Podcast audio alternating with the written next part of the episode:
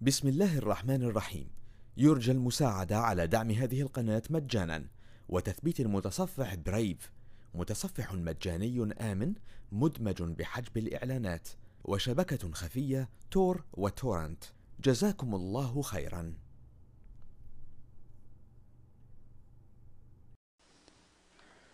بسم الله الرحمن الرحيم. والصلاة والسلام على رسوله الأمين محمد صلى الله عليه وسلم. إخواني مهندسي حماية الشبكات في العالم العربي السلام عليكم ورحمة الله وبركاته. أرحب فيكم أنا أخوكم حسن مرشد من الشبكات الرقمية في الفيديو الثالث والعشرون والخاص بمنهج ال Security Plus. شاهد تعلم واستمتع. حماية الخدمات في الشبكة. Network Services يوجد مجموعة من الخدمات والتي تعمل معا في داخل الشبكة لكي تجعل المستخدمين للشبكة قادرين على استخدام الشبكة.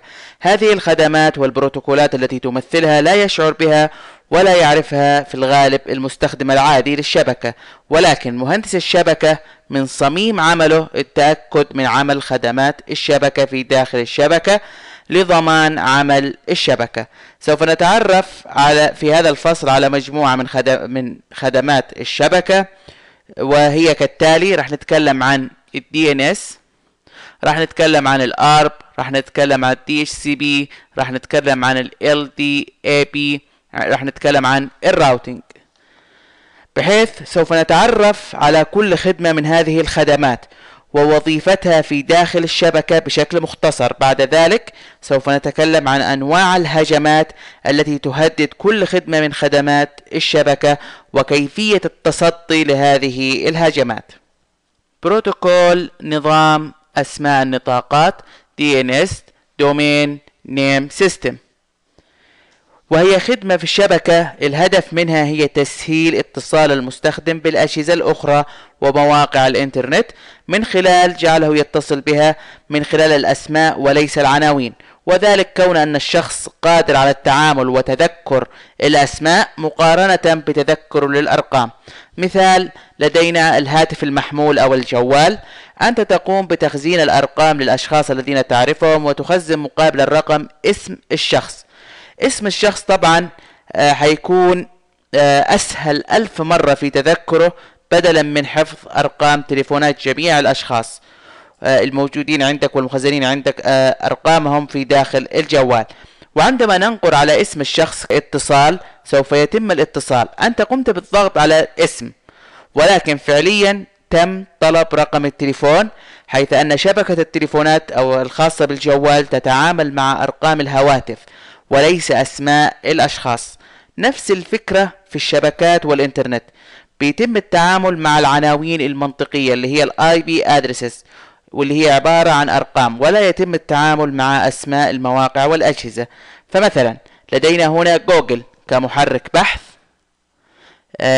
ال IP address الخاص فيه هو 216 58 210 230 الفيسبوك ال IP address الخاص فيه هو 31 13 86 36 ياهو 206 190 36 45 اليوتيوب 216 58 210 238 وقس على ذلك جميع مواقع الإنترنت.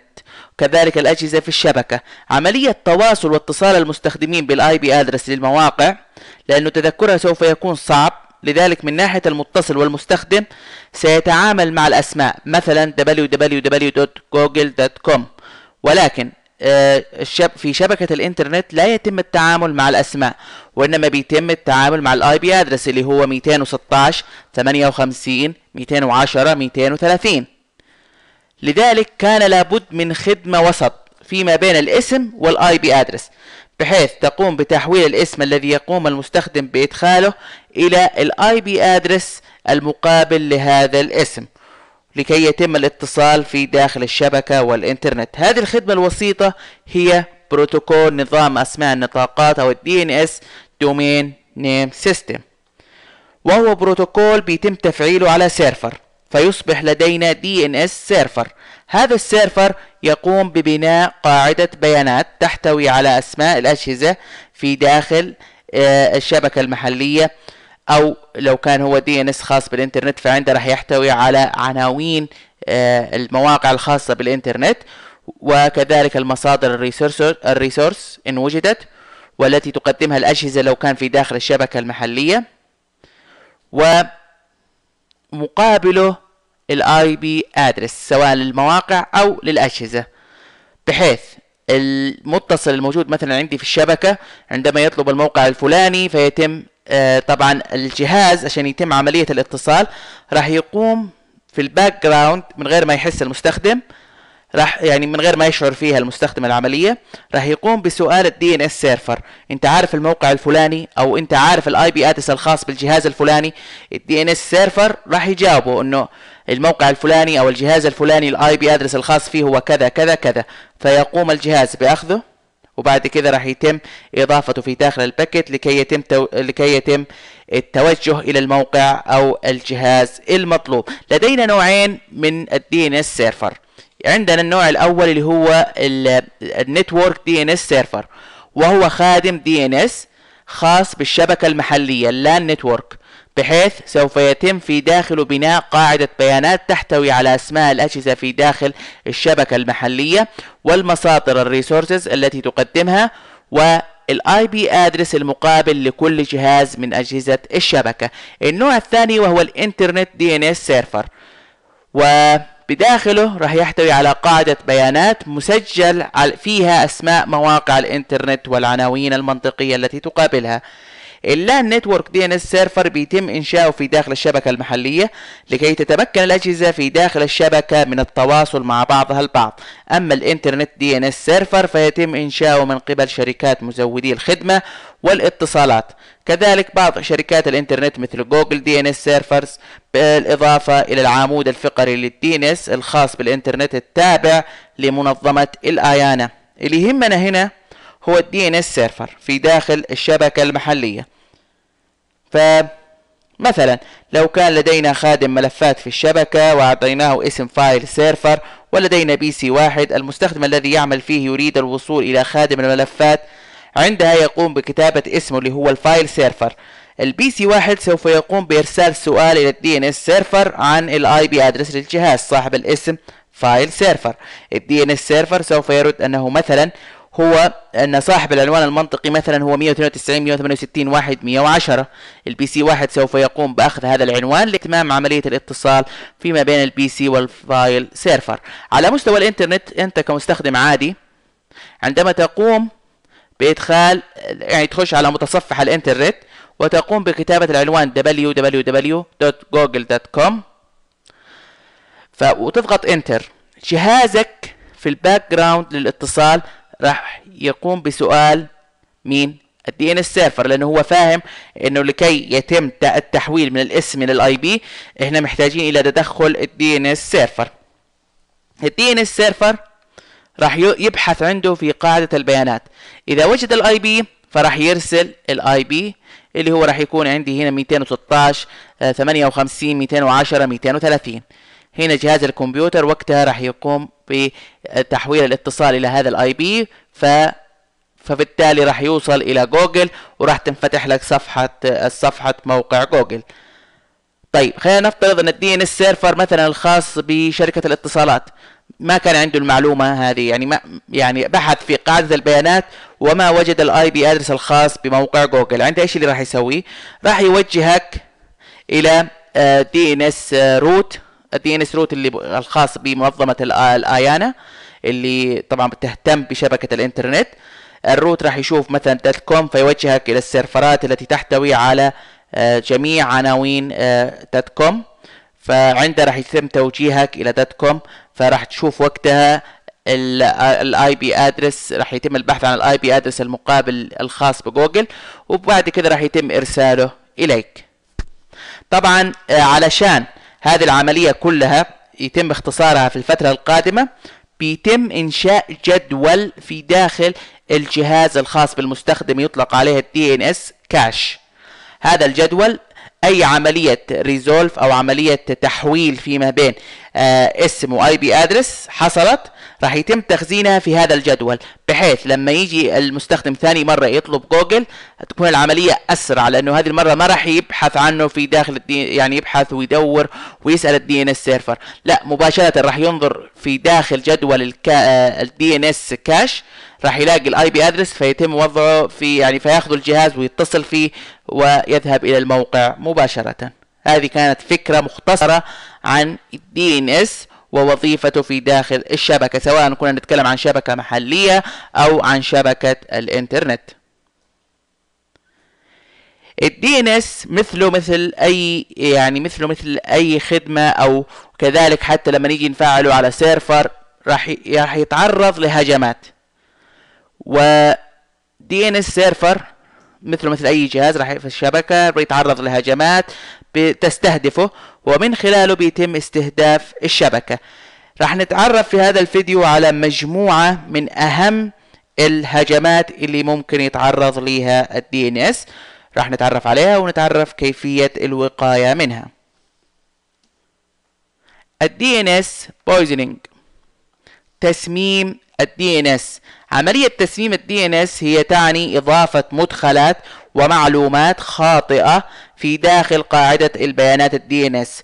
كما نعلم أن ال DNS يقوم بعمل map ربط ما بين الاسم والعنوان المنطقي التابع له وبالتالي بتحصل عملية توجيه داخلية في الشبكة المحلية. فمثلا لو كان ال file server في ال DNS آه، صاحب ال IP address مثلا هو 192 168 1 10 والمخترق للشبكة سوف يقوم بتسميم قاعدة البيانات الخاصة DNS بتغيير العنوان المنطقي لل file server من العنوان المنطقي الحقيقي اللي هو 192 168 1 10 إلى العنوان المنطقي لجهازه أو يكون أو جهاز تابع له مثلا 192 168 1 50 وبذلك المستخدمين في الشبكة عندما يريدون الاتصال بال file server بيتم توجيههم إلى جهاز آه، مخترق الشبكة. وبذلك يقوم جميع المستخدمين بحفظ ملفاتهم في جهاز مخترق الشبكة. مثال آخر على DNS poisoning على مستوى الإنترنت. آه أنه مثلا يتم تغيير ال IP address للموقع الإلكتروني الخاص آه بالبنك. بموقع إنترنت مزور للبنك. مما يمكنه من الحصول على المعلومات البنكية والائتمانية لضحاياه. ليقوم بسرقة أموالهم. إذا ال DNS هي عملية تغيير العنوان المنطقي سواء لموقع إلكتروني أو جهاز في الشبكة بهدف توجيه الضحية إلى موقع إلكتروني أو جهاز تابع لمخترق الشبكة وتنفيذ آه، طبعا عملية تنفيذ الهجوم راح تكون بطريقة من طريقتين. الأولى هي تغيير العنوان المنطقي على مستوى ال DNS cache وال DNS cache هو جدول يقوم كل جهاز كمبيوتر بإنشائه وهو مؤقت أي عند انقطاع الكهرباء عن الجهاز عندها سيتم حذف هذا الجدول. هذا الجدول بيتم إنشاؤه بهدف عملية التسريع بحيث لما يقوم جهاز الكمبيوتر بسؤال ال DNS server على عنوان منطقي لموقع إلكتروني أو جهاز ويقوم ال DNS server بالرد فإن ال PC يقوم بتخزين هذه المعلومة في داخل ال DNS cache. وذلك في حال احتاج لمعرفة ال IP address لنفس الموقع أو الجهاز فينظر في داخل ال DNS cache بدلا من سؤال ال DNS server مجددا. عملية التغيير في ال DNS cache من خلال المخترق سهلة وتفاديها من قبل المستخدم سهل. فعندما يقوم بعمل إعادة تشغيل الجهاز أو عمل DNS flush عن طريق الدخول إلى موجه الأوامر ال CMD وكتابة الأمر اي بي config دي ان اس لتفريغ ال DNS cache من المدخلات الموجودة فيه وإعادة بناؤه تدريجيا. الطريقة الثانية لتنفيذ هجوم ال DNS poisoning هي تنفيذ ال DNS poisoning على مستوى قاعدة بيانات ال DNS من خلال اختراق ال DNS server نفسه. وهنا الحماية على راح تكون على مين؟ على مهندس الشبكة من ناحية تأمين نظام التشغيل الخاص بال server لتجنب اختراقه. كذلك بشكل عام مراقبة الشبكة بشكل دائم ورصد التحركات المشبوه فيها والتدخل لإيقاف الهجمات. هذه كلها سوف يؤدي الحد من الهجمات بشكل عام ومن ال DNS ومن ضمنها طبعا ال DNS poisoning. لاحظوا معايا هنا عندي صورة بتعبر على هجوم ال DNS poisoning عندي هنا المهاجم. استطاع أنه يخترق ال DNS server سواء كان المحلي أو الخاص بشركة المزود الخدمة ال internet service provider. استطاع اختراقه ودخل في داخل قاعدة البيانات للدي ان إس. وخلينا نفترض أن الموقع الإلكتروني الحقيقي للبنك آه اللي مثلا آه نفترض أنه كان 12 12 صفر صفر آه 12 صفر صفر 5 فقام المهاجم بتغييره إلى مثلا آه 150 150 150 150 هذا العنوان فعليا هو عنوان الموقع الإلكتروني المزور للبنك بحيث أن المهاجم أو مخترق الشبكة إيش سوى؟ قام بإنشاء موقع شبيه من ناحية التصميم بالموقع الخاص بالبنك ولكن طبعا ال IP address مختلف العنوان أيضا فيه له اختلاف حيدخل هنا فحيقول إنه يا DNS راح يلغي المعلومة الموجودة عن الموقع الإلكتروني الحقيقي للبنك وإنه أي واحد راح يدخل عنوان البنك مثلا www.bank.com مثلا تمام؟ عندها قم باعطائه ال IP address اللي مقابله راح يكون آه 150 150 150 150 طبعا ال user لما راح يدخل على المتصفح آه اللي هو المستخدم طبعا راح يقوم بإدخال راح يدخل على متصفح الإنترنت يبغى يدخل على حسابه البنكي. فراح يكتب www.bank.com فهنا طبعا الجهاز راح يقوم بسؤال مين ال DNS server اعطيني ال IP address الخاص بالعنوان bank.com طبعا الجه... ال server هنا راح يبحث في قاعدة البيانات فحيجد أن العنوان هو 150 150 150 150 فيقوم بالرد على المستخدم.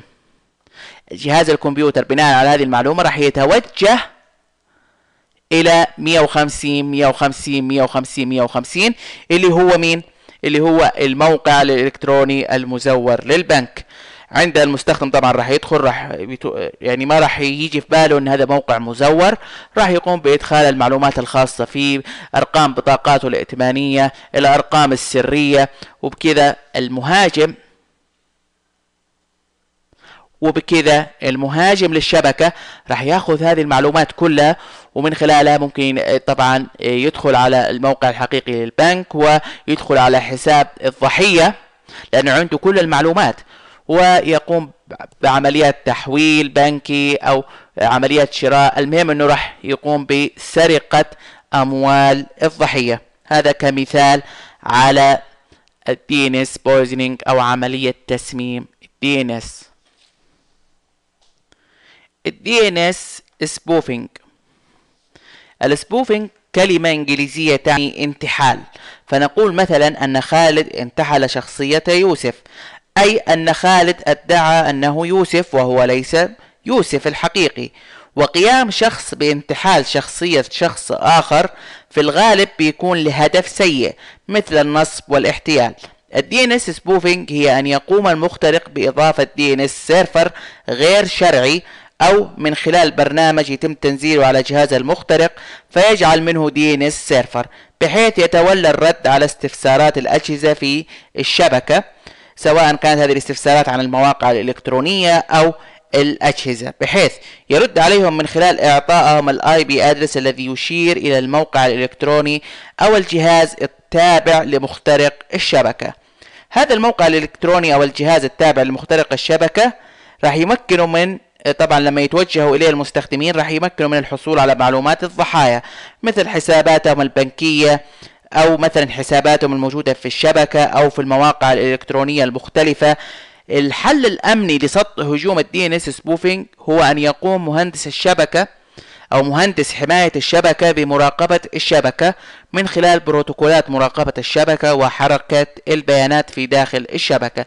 مما سوف يجعله يكتشف ال DNS المزور في داخل الشبكة والتدخل لإيقافه.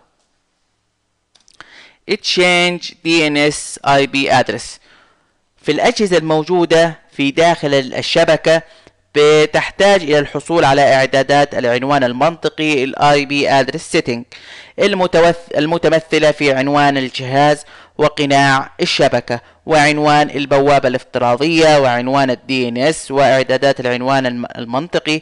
إما أن يقوم مهندس الشبكة بكتابتها يدويا على أجهزة الكمبيوتر أو أن يتم الحصول عليها من خلال ال DHCP server هناك برامج يستخدمها المخترق للشبكة تقوم بالدخول على أجهزة الكمبيوتر والتغيير من ال DNS IP server الحقيقي. DNS IP server المزور الخاص بمخترق الشبكة. لتجنب ذلك إذا كنا في شبكة فيجب وضع policy من خلالها يتم منع تنزيل أي برنامج على أجهزة الكمبيوتر بحيث يكون ذلك حصري على مهندس الشبكة وحساب مهندس الشبكة بالإضافة إلى مراقبة الشبكة لرصد مثل هذا التحرك بالإضافة إلى برامج مكافحة الفيروسات. بالنسبة لأجهزة الأفراد والمتصلة بالإنترنت فيجب التأكد من آه، طبعا أن التأكد DNS IP address الموجود في الجهاز تابع لمزود الخدمة الذي تم عمل اشتراك الإنترنت معه. كذلك تثبيت مكافح فيروسات أصلي ومحدث سوف يمنع مثل هذه الهجمات. زي ما إحنا شايفين هنا هذه إعدادات كرت الشبكة.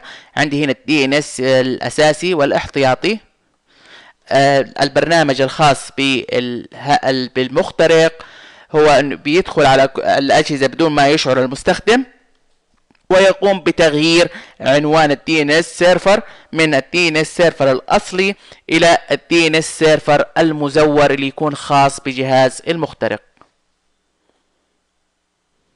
إيش يستفيد من كده؟ طبعا ال DNS المزور الخاص بالمخترق راح يكون مليء بمعلومات خاطئة آه، لعناوين آه، طبعا تشير إلى مثلا موقع هو قام بتصميمه لكي مثلا يحصل على معلومات أو لكي ينزل فيروسات على الأجهزة ويتحكم فيها. إلى اخره من الأهداف اللي يريد تحقيقها مخترق الشبكة أو المخرب اللي بيحاول مثلا آه، إنه يضر الأجهزة سواء كانت المتصلة بالإنترنت أو الموجودة في داخل شبكة محلية. DNS amplification. هذا الهجوم بيتم من خلال آه، آه، طبعا ويطلق عليه لو نبغى نترجمه تضخيم ال DNS هذا الهجوم بيتم من خلاله استغلال سيرفرات ال DNS لتنفيذ هجوم حجب الخدمة اللي هو ال denial of service على سواء على server معين أو على مستوى جهاز معين وذلك من خلال ال DNS reply أو رد ال DNS كما نعلم ال DNS يقوم بالإجابة على استفسارات الأجهزة المتمثلة في طلب العنوان المنطقي لاسم الموقع أو الجهاز. فكرة تضخيم ال DNS بتستغل هذه النقطة والتي هي وظيفة ال DNS لجعل ال DNS يشارك في هجوم حجب الخدمة على جهاز أو موقع معين. إذا تضخيم ال DNS هي عملية يتم فيها استغلال سيرفرات ال DNS وليس الهجوم على هذه السيرفرات. والفكرة هنا أن المخترق سوف يحدد الموقع الذي يريد استهدافه. مثلا لنفترض أنه يريد استهداف موقع www.dn.com فعندها سوف يقوم بمعرفة ال IP address لل web server المستضيف هذا الموقع واللي هو مثلا 12005 عندها من على جهاز المخترق يقوم بتوجيه سؤال إلى ال DNS server يطلب منه مثلا ال IP address الخاص لموقع جوجل. ولكن راح يغير ال source IP address أو العنوان المنطقي للجهاز المرسل لهذا السؤال من جهاز المخترق إلى مين؟ إلى ال IP address الخاص بال web server للموقع DN dot com واللي هو 12005 وبالتالي سوف يقوم ال DNS server بإرسال الرد إلى مين؟ إلى ال DN dot com رغم أن ال DN dot com ما سأل السؤال هذا اللي سأله هو جهاز المخترق ولكن هو راح يشوف في ال packet فيجد أن ال source IP address هو قادم من فين؟ من 12005 فيقوم بإرسال الرد إلى الجهاز 12005 هذه هي فكرة الهجوم ولكي يحجب الخدمة فمن خلال مجموعة من الأجهزة المسيطر عليها من قبل المخترق والتي يطلق عليها أجهزة الزامبي والتي سوف تقوم بتوجيه ال DNS إلى مجموعة من خوادم DNS وطبعا سوف تكون ال packets متغيرة من ناحية ال source IP address إلى 12005 وسوف يستلم server استضافة اللي هو موقع com ردود من سيرفرات DNS بشكل متواصل وبأعداد كبيرة.